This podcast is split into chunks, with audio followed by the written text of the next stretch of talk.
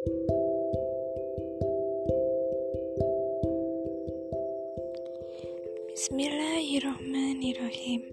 Assalamualaikum warahmatullahi wabarakatuh. Selamat malam pendengar podcast. Widya hari ini mau menceritakan tentang sikap kedewasaan seseorang. Sikap kedewasaan seseorang sangat penting dalam menentukan keseharian seseorang tersebut, karena sikap dewasa tidaklah mudah dilalui oleh orang banyak.